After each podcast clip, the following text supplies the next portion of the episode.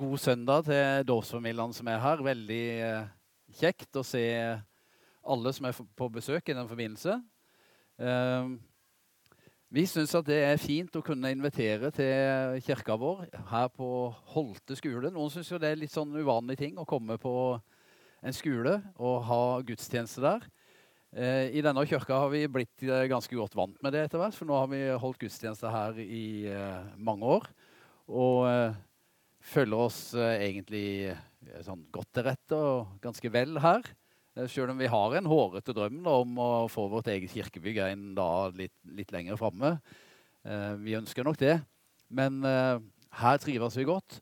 Og det som er ekstra gøy å se, det er jo hvor fantastisk godt eh, ungene trives. Og nå ungdommene. Jeg var, stakk hodet innom her i går kveld og gjorde det på fredag kveld, for det er veldig gøy å se de gjengene som samler samles og det som skjer. Um, og jeg har lyst til å si, oppmuntre deg, du som, uh, du som ber til Gud. Kan du ikke være med og be spesielt for alle de barna og ungdommene som vokser opp her, og som kommer på de ulike samlingene og sånt? Be for dem at de må bli kjent med Gud, og at uh, han må lede deg trygt og godt gjennom dette livet. Det er iallfall et sterkt ønske vi har for uh, alle deg. Ok, jeg skal, Denne formiddagen så skal jeg snakke litt med en overskrift som har tittelen 'Å fullføre løpet'. Og i eh, kirka vår her så har vi de siste søndagene hatt litt fokus på eh, fortellinga om Paulus i eh, Nye Testamentet. Og eh, han eh, kommer vi tilbake til etter hvert. Men eh, her om dagen, eller eh, for noen uker siden, så så jeg en plakat på Sørlandssenteret. Der sto det 'Shopping is my cardio'.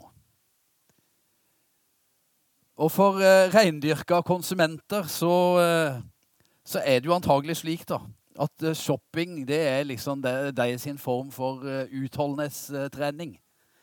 Det er Der svir det ikke av bare kroner, men kalorier.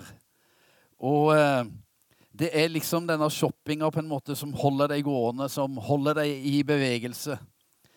Som på mange måter hjelper deg å nå livets store mål. Og karre til seg mest mulig. Skaffe seg så mange ting som mulig. Og shoppinga gir jo denne godfølelsen. da. En slags uh, lykkerus der og da. Og en følelse av at uh, livet er verdt å leve. Nå er det heldigvis slik at uh, det er ikke alle mennesker som har en like grunn forståelse av hva livet egentlig handler om eller dreier seg om.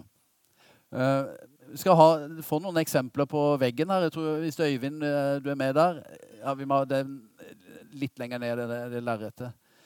Men eh, det var jeg leste om på eh, flyet her for litt siden. Hun er fra Canada, en kunstner. Hun heter eh, noe sånt som Aurora Robson. Og hun, hun driver og lager kunst av resirkulert plast. Og tenker at det er hun sitt bidrag på en måte til å være med og redde miljøet og klimaet. Og så sier hun 'My work keeps me going' because it's become something that means something. I do it for my kids and all the kids who are inheriting this legacy. Um, der har hun funnet en mening. Noe hun lever for. Eh, jeg har et eksempel til. Det er en som heter eh, Nigel Gilford.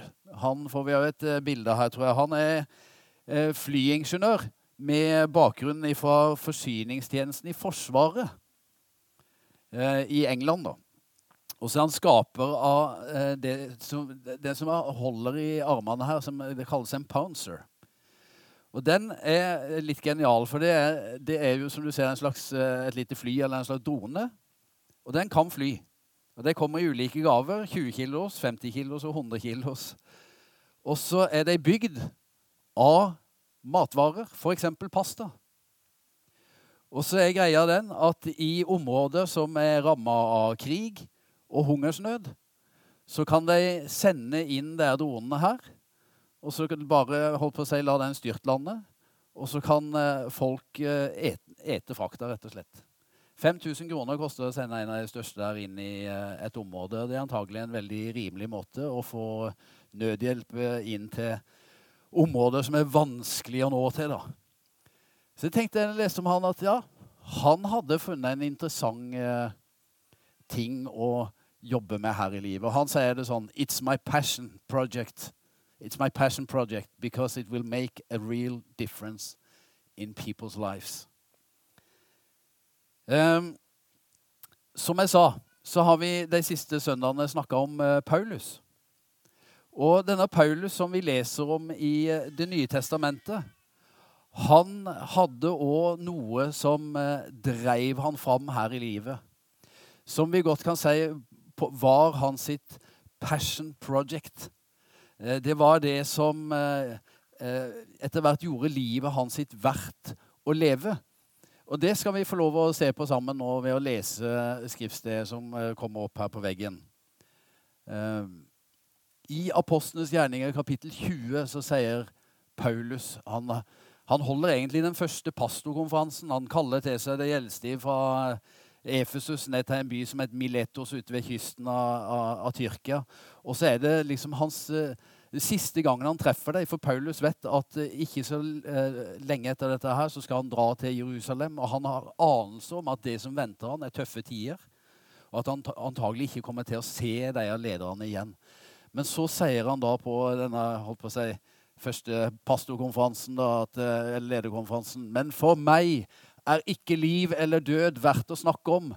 Bare jeg kan fullføre løpet og den tjenesten jeg fikk av Herren Jesus, og vitne om evangeliet om Guds nåde.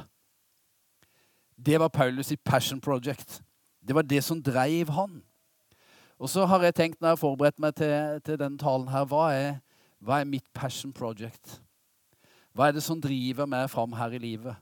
Hva er, så, hva er, det jeg kjemper for? Hva er min kampsak, min hjertesak?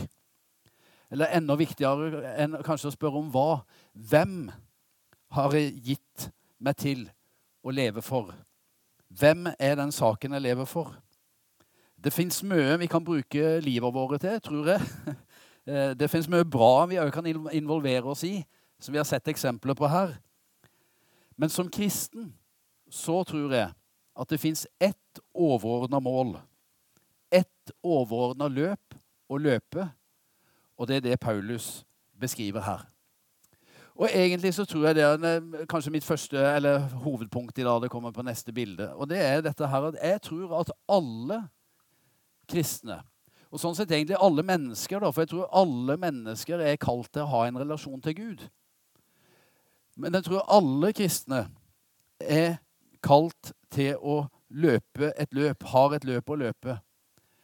Eh, og Paulus, som skrev dette, her, han var vel å merke apostel.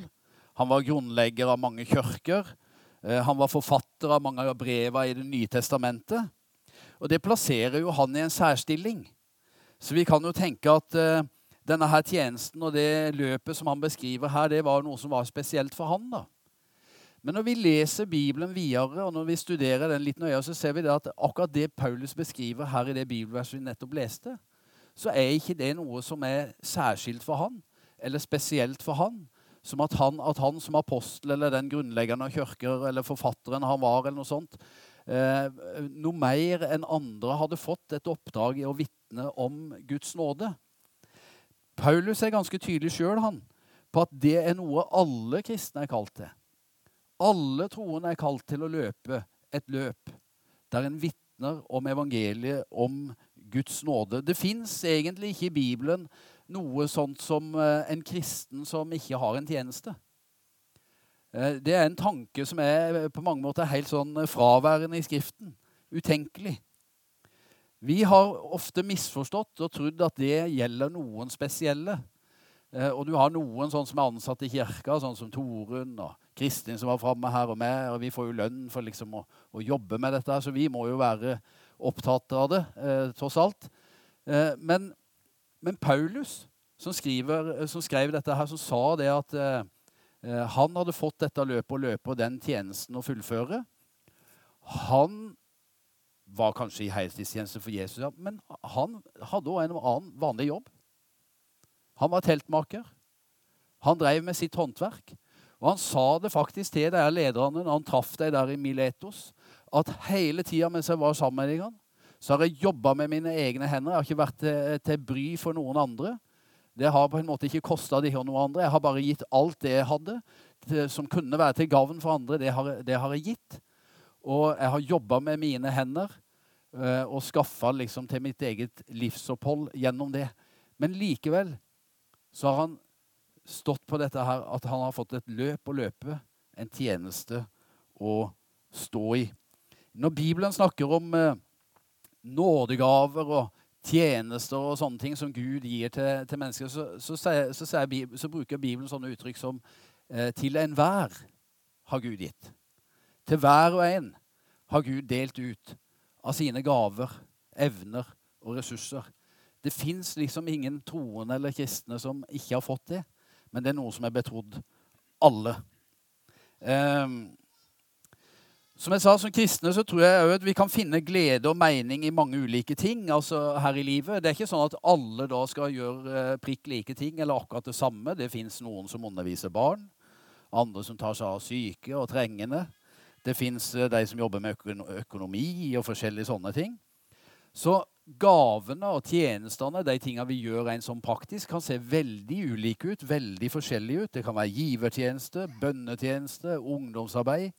Masse forskjellige eh, sånne ting. Men fellesnevneren for alle oss som bekjenner trua på Jesus Kristus, det er dette at vi er kalt til å vitne om evangeliet om Guds nåde. Det er vårt fremste oppdrag her i denne verden å vitne om Guds godhet, om hans kjærlighet og tilgivelse, om Han som elsker oss og alle mennesker på tross av. Altså, Paulus hadde jo vært en forfølger av kirka. Han hadde vært de, sin verste motstander. Og det er en mann Gud møter, og som han øser ut av sin kjærlighet over, og som han seinere setter inn i, i tjeneste i sitt rike. Vi er satt til å vitne om den nåde Gud har vist. Nå kan vi ta det neste bildet, Øyvind. Nei, det var vel bildet foran det. Kanskje, kanskje var feil i rekkefølga der. Han, ja. Bill McCartney heter han. Han eh, var tidligere amerikansk fotballspiller. Eh, og så ble han en eh, ganske kjent eh, trener på sånn eh, Det er vel sånn college-nivå, tror jeg, med eh, laget som heter Colorado Buffaloes. Og i 1990, og det kan du se litt sånn av bildet kanskje, eh, så starta han en kristen mannsbevegelse som eh, het Promise Keepers. Eh, noe av grunnen til at han gjorde det, det var at han sjøl hadde endelig kommet seg ut av et utenomekteskapelig forhold. Han hadde hatt ei dame på si og tulla det til, rota det til. Og så hadde han kommet ut av dette her, og så tenkte han at jeg må hjelpe menn, og jeg må hjelpe kristne menn til å leve helt for Herren og til å ta ansvar for sitt eget liv og for sine familier. Og Det ble liksom eh, det som eh, denne bevegelsen Promise Keepers uh, jobba med. Da. Hjelpe menn til å ta ansvar for egne liv og for sine familier. Det ble en, svær bevegelse. Og på et av møtene deres en gang, der var det var 42 eh, 000 eh, mannfolk eh, til stede, så sa møtelederen Når jeg har telt til tre, så skal alle rope så høyt de kan hvor de kommer fra. Og det her Mennene de ropte ut i munnen på hverandre en hel haug med forskjellige stedsnavn. Og det var det komplette kaos. Og Deretter så ba han dem om å rope så høyt de kunne hvilke kirkesamfunn de tilhørte. Og igjen så var det en eh, masse forskjellige sånne eh, navn da, som ble ropt ut. Og eh, tredje gangen så eh, sier han eh, om de kan rope ut hva som er favorittsporten deres. sin. Og det ble ropt liksom, det var vel baseball og amerikansk fotball, ishockey og alt mulig sånn. Igjen eh, nokså kaotisk. Så til slutt så sier denne møtelederen Kan jeg rope ut navnet på deres frelser? Og da lød det klokkereint, unisont fra 42 000 menn Jesus. Han er fellesnevneren. Jesus, vår frelser. Det var det møtelederen forsøkte å si. Enkelt og greit. Noen av oss liker fotball, andre liker basketball, ishockey eller golf. Noen er lutheranere, andre er pinsevenner eller fra Misjonskirka. Noen er fra Kristiansand, andre er fra Oslo. Noen fra Lyngdal. Tre av oss her er fra Vegårshei. Eh, eller fire med deg, Isak. Tre og en halv. Ja, noe sånt. Men én ting er større enn alt det der andre. Én ting har vi til felles, at Jesus er vår frelser. Og Det var dette som hadde blitt det viktigste for Paulus. Jesus, å fortelle om han til alle mennesker. Han som hadde forvandla livet hans og gitt det en ny mening. Ingenting var viktigere for Paulus enn å vitne om evangeliet om Guds nåde. Og Nå kan vi få neste punkt, Øyvind. Eh, fordi at eh, det løpet Paulus da valgte å løpe, det løper han ikke for seg sjøl. Han bruker nokså sterke ord og uttrykk her.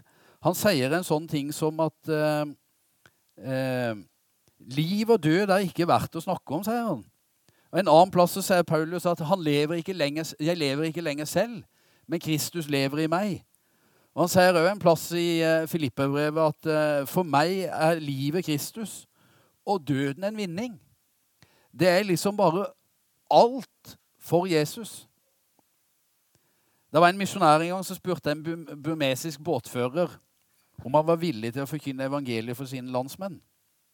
Denne Båtføreren han hadde sånn eh, rimelig grei lønn da, ved å kjøre båt der på, på elva. Eh, og Misjonæren måtte si det at han kunne ikke regne med å få like godt betalt. Antagelig ville han ende opp bare med en, en fjerdedel av det han nå hadde i lønn. Så åssen er det, sa misjonæren, vil du gjøre det for den lønna jeg tilbyr deg? Det var vanskelig for mannen å svare. Han tenkte seg om litt før han kikka opp, og så sa han Jeg vil ikke gjøre det for lønnen du tilbyr, men jeg vil gjøre det for Kristus. Paulus, han gjorde det for Kristus. Han tjente uten tanke på egen vinning. Det var ingen sånn der 'what's in it for me'-holdning hos Paulus. Han holdt ikke tilbake noe som kunne være til gavn for andre. Tjenesten for Gud kjennetegnes jo nettopp av det at du er ikke sjølopptatt, men du lever for noe større. Du lever for én som er større. Det er faktisk én og noe som er viktigere enn Stein Bjørkholt. Og det er det du oppdager. Um, du er ikke lenger eh, ute etter egen vinning. Du er mer opptatt av å gi enn å få. Dette sa også Paulus til der lederen han møtte i Miletos.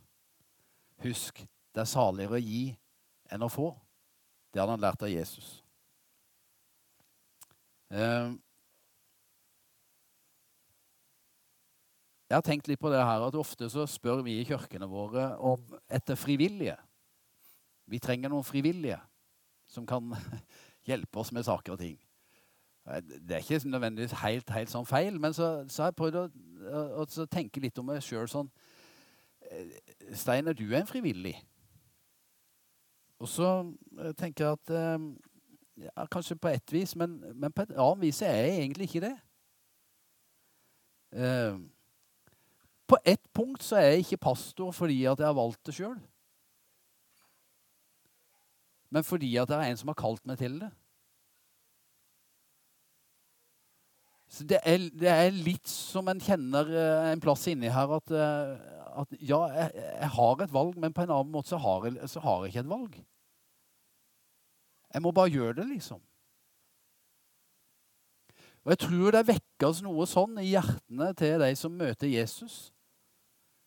I de hjertene som Jesus får tak på. At det er litt sånn, Ja, du kan spørre etter frivillig, men, men på en måte så kjenner jeg, som, som Paulus sa det, men Kristi kjærlighet tvinger meg. Liksom ikke bare helt frivillig likevel. Det er, noe, det er noe som drar meg så sterkt til det. Jeg ønsker å følge han. Det er en slags selvfølge i det at hans interesser da kommer først. Du løper ikke for deg sjøl. Det siste hovedpunktet som jeg eh, har, er jo dette at når vi løper et løp, så er, det, er ikke det viktigste åssen vi starta, men at vi kommer til mål. Det skal jeg bruke bitte litt tid på her mot slutten. For det er én ting å starte noe, det er noe helt annet å fullføre. Kristenlivet, det er ikke en sprintdistanse. Noen har sagt at det er et maraton. I dag passer det kanskje enda bedre å si at det er et ultraløp. Eh, fordi folk syns ikke det er så heftig med maraton lenger. Nå er det liksom å løpe over Hardangervidda med avslutning på Gaustatoppen. Da har du lagt under en 13,5 mil eller noe sånt. Da begynner det liksom å ligne noe. Eh, men eh, poenget er at det løpet Gud har kalt dere med til å løpe, med Han, det er et, det er et langdistanseløp. Det gjelder å være utholden. Og der er motbakker underveis. Og vi ser det faktisk i Skriften, og vi ser det opp gjennom kirkehistoria. Det er ingen selvfølge at alle kommer til mål. Og Der ligger et ganske stort alvor i det. Noen bryter underveis. Noen går bort ifra troen. Paulus han opplevde òg at mennesker i hans krets forsvant. Han skriver om Demas, som fikk denne verden kjær, og som ikke lenger var eh, blant deg.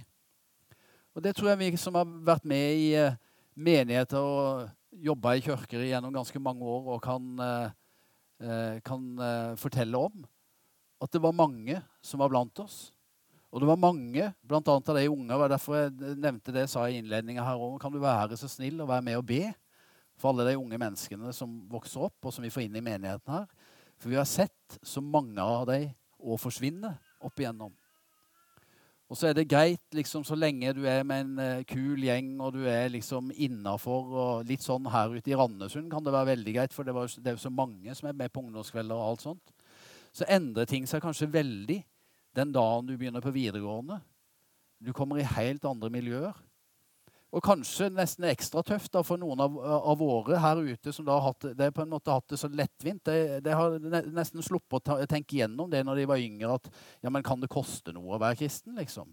Altså Unger som vokser opp på andre plasser i landet, de har jo, de har jo skjønt det fra de var ganske små, at det, det, er ikke veldig vanlig å være kristen. Det koster kanskje noe. Jeg må kanskje kjempe litt for den trua som er gitt meg. Og så er en ikke lært opp til det, og så kommer en ut i noen sånne andre miljøer, og så Slipp. Forsvinner en bort ganske fort. Jeg tror vi har sett eksempler på det. Det er et djupt alvor i dette at ikke alle fullfører løpet. Og så skal vi ikke ta lett på årsakene da, til at det skjer. For det kan handle om ulike sånne ting. Det kan òg handle om eh, opplevelser av å bli svikta. Ikke bare av mennesker, men av Gud sjøl, kanskje. At en ikke bare eh, har gått bort ifra troen, men, men, rett og slett falt fra den. Mista den nokså dramatisk. Jeg leste i A-magasinet i går. Eh, jeg var borte hos Kjetil, og så lå A-magasinet framme, og så sto det om en, en del sånne Elvis-imitatorer. Jeg vet ikke om det var noen av dere andre som leste om det. Det var mange artige bilder der, iallfall. Eh, men så leste jeg han ene, som het John David Thomas en sånn engelsk Elvis-imitator.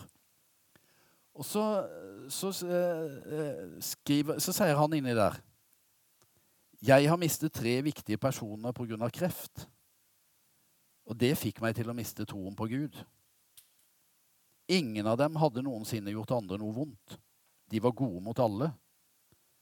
Likevel straffet Gud dem. Sånn hadde han konkludert. Han hadde falt fra troen. Og vi vet det at dette livet det møter oss med mange tøffe og vanskelige ting. Og så er det en grunn til at jeg, at jeg sier dette her, at, at, det kristne livet er òg en tøff vandring. Det er motbakker, det er kamp, og det er sånne ting. Fordi at hvis vi aldri snakker om det, så luller vi oss sjøl inn i en eller annen sånn forkvakla teologi som lyder et eller annet i retning av at hvis bare vi tror på Gud, så går alt så veldig greit. Og der bor en sånn der liten sånn, eh, tendens til en sånn liten herlighetsteolog inni ganske mange av oss. For det er den der teologen som eh, veldig kjapt spør ja, men hvorfor i all vide verden skjer dette med? Jeg tror jo på Gud. Hvorfor møter jeg på problemer og vanskeligheter? Og hvorfor opplever vi det, vi som tror på Gud? Med andre ord, Hvis vi tror på Gud, så skulle vi ikke ha noen vanskeligheter og problemer. Også, men så er den fortellinga som Bibelen forteller oss igjen og igjen, som kirkehistorier forteller oss igjen og igjen, er at vi som tror på Han, vi er jo ikke unntatt fra noe av det som resten av denne verden går igjennom. Men det fins òg en dypere fortelling enn det. Og det er at du kan erfare at når vi går igjennom det, og når vi opplever det, så er det fortsatt en der som er større. Og Det fins noen fortellinger om at mennesker har mista troa, men det fins òg fortellinger om de som har funnet tilbake den, til den. Og Jeg leste nylig om en av dem. Det var han eh, Grønneberg, eh, eller vokalisten i CC Cowboys. Har du bilde av han, Øyvind? Og han sa at eh, på et tidspunkt at troen og bevisstheten kom tilbake til meg, sa han. Hvor jeg ikke var så steil og sikker i livet. Man er jo ung og vakker og freidig og vil rett og slett leve sitt eget liv på sin egen måte, sier han. Så kommer behovet for noe som er større enn deg selv. Noe som en hånd på min skulder, noe som beskytter meg. Som jeg har en indre dialog med. Jeg kan ikke gå veldig djupt inn i alle de tingene her nå, men, men, men jeg vet at trua kan få seg noen kraftige trøkker underveis i dette livet. Jeg vet at du går an å miste den.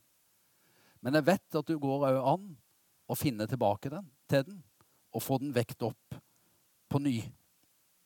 I enkelte langløp, enkelte sånne ultraløp, så fins det personer som holder på nesten eh, kollapse underveis. Men så gjenvinner de liksom styrken og kommer seg til mål. Og før jeg avslutter helt i dag, så skal vi uh, få lov å se en liten, uh, en gammel, et gammelt filmknipp. Uh,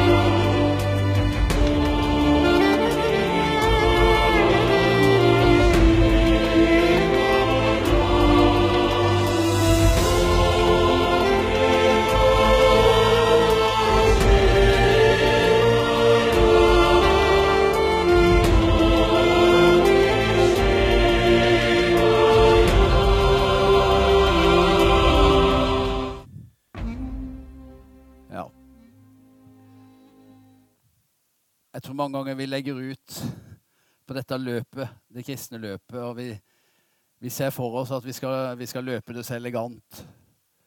Og vi passerer målstreken en dag, liksom, og er liksom Ja. Så flott og elegant. Og så tror jeg kanskje at det oftere ser ut som et John Aquari. Um, det, men det store målet det er å komme seg til den mållinja over den målstreken. Når vi leser om Paulus òg, og, og, enden på hans tjeneste så Det er ofte når vi leser om han, vi tenker at alt var så stort og flott at han lykkes med alt. Men det er ganske tydelig i noen av de tekstene at da føler han seg både forlatt og isolert. Og svikta av flere. Men likevel så bekjenner han at 'jeg har stridd den gode strid'. Jeg har stridd den gode strid. Og så sier han videre 'fullført løpet og bevart troen'. Og Jeg tror vi kan lære noe av han, at det handler noe om å holde trofast ved dette. Uansett om det er motgang, om det er tilbakegang, om vi møter vanskeligheter. Om de andre velger noe annet. Hold fast ved det. Og jeg har lyst til å oppmuntre deg denne formiddagen til å holde fast ved det løpet Gud har kalt deg til, den trua han har gitt deg. Um, jeg skal avslutte med å fortelle om den personen som kanskje har vært den viktigste og betydd mest for meg i mitt kristenliv. Og det var min farfar. Og han var alltid et forbilde. Han var ingen pastor. Han satt ikke i menighetsstyret. Han leda aldri noen gudstjeneste. Han var ikke søndagsskolelærer. For min farfar han var for sjuk til det. Han var sterkt ramma av revmatisme. Eh, og jeg kan aldri huske at han kunne gå. Han satt for det meste i den samme stolen. Men han vitna om evangeliet om Guds nåde, som han hadde møtt i sin ungdom. Han vitna om det for oss barnebarna hver eneste gang vi kom på besøk. Og Jeg fikk lov å huske å trekke opp noen sånne lapper fra ei lita eske med noen sånne bibelvers. Og så leste han det, eller vil si han kunne det utenat. Og så holdt han en liten andakt, og så forklarte han meg om Jesus. Min farfar han fullførte løpet uten at så mange la merke til det. Men sognepresten han fortalte meg mange år etterpå at han merka det. For den dagen min farfar døde, så merka han at en forarbeider var gått bort. Og så har jeg tenkt på det mange ganger at min farfar han kunne ha mista trua som følge av sykdommen. Men i stedet så opplever vi at han, at han ble styrka av den. Han, han fant trøst og hjelp hos Jesus. Farfar han mista òg ei datter, mi tante Berit, som jeg aldri fikk oppleve, men som jeg tror jeg skal få lov å møte igjen en dag i himmelen. Han kunne ha blitt bitter. Men det var ingen i min omkrets som utstrålte slik glede over det Jesus hadde gjort, som det han gjorde. Og Min farfar han kunne ha diskvalifisert seg sjøl og tenkt at han ikke kunne ha noen tjeneste for Gud. Men han valgte å bruke det lille han hadde. Han leste i sin bibel. Han ba til Gud for de han kjente og de han visste om. Og han delte evangeliet så ofte han kunne med de som kom innenfor døra. Og Antagelig er han den enkeltpersonen som har betydd aller mest for at jeg var pastor i dag. Så hva vil jeg si med det? Jeg vil, jeg vil oppmuntre deg til å, si, til å ikke gi opp. Holde ut, fullføre løpet. Ikke bomme på målet. Ikke løpe feil vei, men stå distansen. For en dag så vil seiersprisen òg kunne bli din.